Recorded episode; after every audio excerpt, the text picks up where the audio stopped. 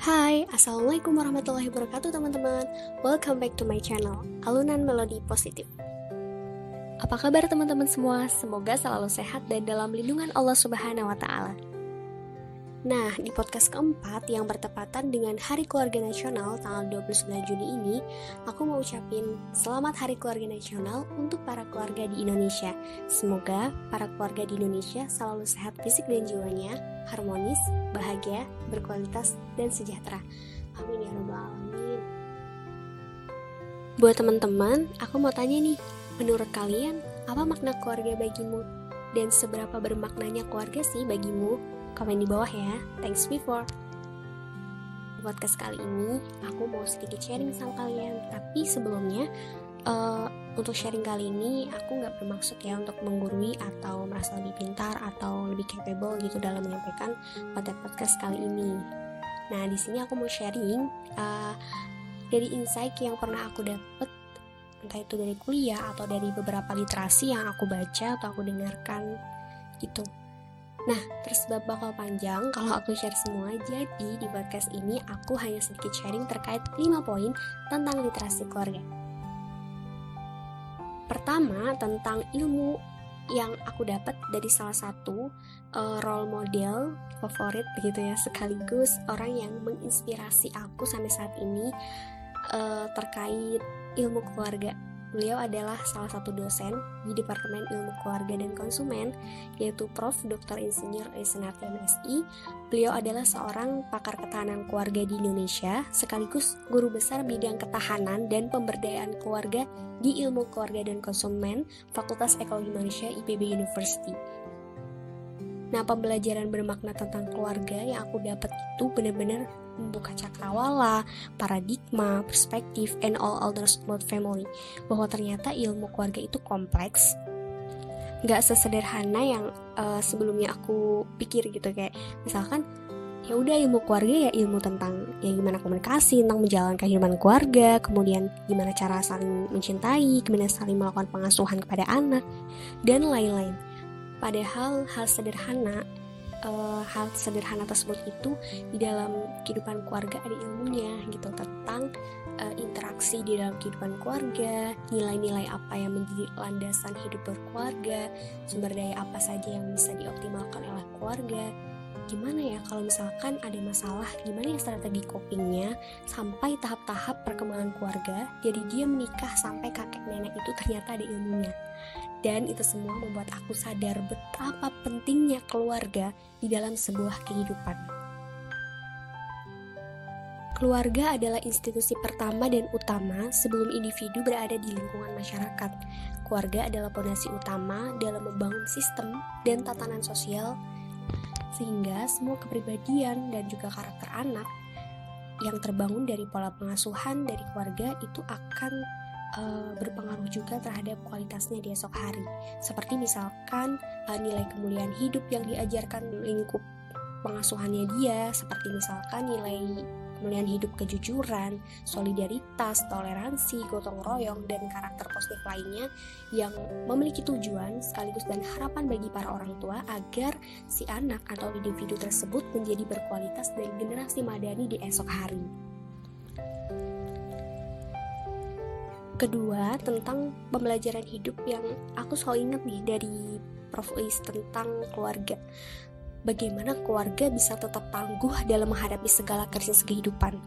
Dan hal itu tuh ngingetin aku banget pas uh, dalam kondisi yang gak berdaya sekalipun misalkan kayak ada pandemi atau pas lagi ada masalah atau pas lagi ada ujian dan lain-lain yang di mana pembelajaran hidup itu tuh jadi alarm buat aku harus tetap tangguh nih harus tetap kayak apalagi perempuan harus kuat menjalani kehidupan uh, realita kehidupan agar kita pun bisa menularkan energi positif serta menguatkan keluarga dan lingkungan di sekitar kita.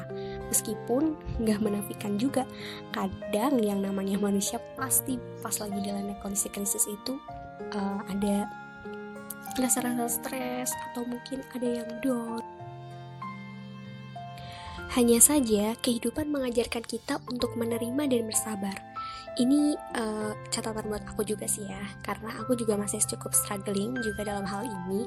Karena yang namanya menerima dan bersabar itu emang gak mudah. sungguh gitu ya cuma prinsip aku gini dalam kondisi krisis ataupun sulit ada masalah dan lain-lain kita nggak boleh lama-lama kita harus balik lagi untuk up lagi karena sayang gitu kalau waktu dan energi kita itu dihabiskan untuk fokus ke hal yang sulit itu Nah, di saat kondisi sulit, ada juga ayat favorit yang jadi pengingat aku, yaitu di dalam Quran Surat Al-Insyirah ayat 5-6, Allah itu berfirman bahwa sesungguhnya beserta kesulitan ada kemudahan. So, ayo kita sama-sama saling mendoakan agar tetap semangat dalam segala kondisi. Next, ketiga, ini agak berat sih bawainnya tentang keluarga. Jadi keluarga itu adalah unit yang sangat penting di masyarakat karena keluarga adalah bagian dari suatu sistem uh, baik itu lingkungan alam, buatan manusia atau sosial budaya. Jadi setiap tindakan atau hal yang terjadi di dalam kehidupan keluarga itu akan mempengaruhi lingkungan. Begitu sebaliknya, pada gilirannya lingkungan pun bisa mempengaruhi kehidupan keluarga. Contoh realnya banget adalah pandemi corona yang mempengaruhi kehidupan keluarga termasuk kita, individu di dalamnya. Maka dari itu, sebisa mungkin kita sebagai bagian dari sistem bisa mematuhi protokol kesehatan ya supaya keluarga dan lingkungan kita terlindungi. Terus ada satu nih berita menarik yang aku baca di CNN Indonesia. Jadi ada efek uh, dari pandemi ini pada hubungan keluarga baik itu positif ataupun negatif. Kalau kalian kalau kalian mau baca lebih lanjut aku taruh linknya di deskripsi ya. Terus aku dapat juga insight menarik dari hasil survei yang dilakukan oleh Prof. Is dan tim pas aku ikut webinar Direktorat Publikasi Ilmiah dan Informasi Strategis IPB tentang mencegah krisis keluarga pada masa pandemi COVID yakni uh, pandemi itu menyebabkan keluarga mengalami stres yang cukup tinggi. Tapi keluarga bisa mengatasi masalah dengan meningkatkan interaksi di dalam kehidupan keluarga, sehingga kesejahteraan sosial keluarga pun akan terjaga. Wah ini tandanya kita perlu meningkatkan interaksi, salah uh, saling ngobrol, komunikasi dan lain-lain ya. Terus menariknya lagi uh, bahwa nilai agama, dukungan sosial yang kita lakukan kepada keluarga kepuasan pernikahan itu juga berkontribusi positif terhadap kesejahteraan subjektif. Oh ya, kesejahteraan subjektif itu yang berkaitan sama kepuasan kita pada kehidupan di dalam keluarga. Puas gak sih sama yang apa yang kita punya? Puas gak sih sama apa yang kita rasakan selama ini dalam uh, kehidupan keluarga gitu? Terus sumber stres dan masalah itu berpengaruh negatif pada kesejahteraan subjektif keluarga. Nah, nyambung nih sama kondisi tekanan yang aku bilang tadi. Sebisa mungkin kita harus tangguh dalam menghadapi kondisi krisis. Karena saat kita kuat dan bisa menularkan energi positif atau positive vibes, maka kita bisa menguatkan keluarga dalam kondisi krisis. Next, keempat, ada sebuah bacaan yang tidak kalah menarik yang ditulis oleh Dr. Ratna Megawangi dan Prof. Uis yang berjudul peran keluarga dalam membangun bangsa berkualitas, penghargaan kembali terhadap kiprah wanita dalam pengasuhan anak. Judulnya berat sih, judulnya lumayan berat. Cuma ini e, isi tulisannya itu menarik banget bahwa e, ternyata pembangunan karakter itu berkaitan dengan pembentukan kepribadian individu sejak dini dari dalam keluarga dan juga sekolah. Peran keluarga tuh gede banget buat pembentukan diri kita sampai saat ini. Bahkan, keluarga punya peran sangat besar dalam pendidikan, sosialisasi, dan penanaman nilai kepada anak.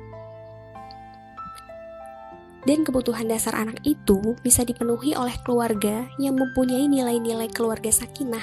Nah, anak-anak yang berada dalam keluarga seperti ini mendapatkan pelindungan, kasih sayang, pendidikan moral, dan disiplin yang baik dari orang tuanya dan itu semua membutuhkan peran dan komitmen besar dari kedua orang tuanya, terutama ibu.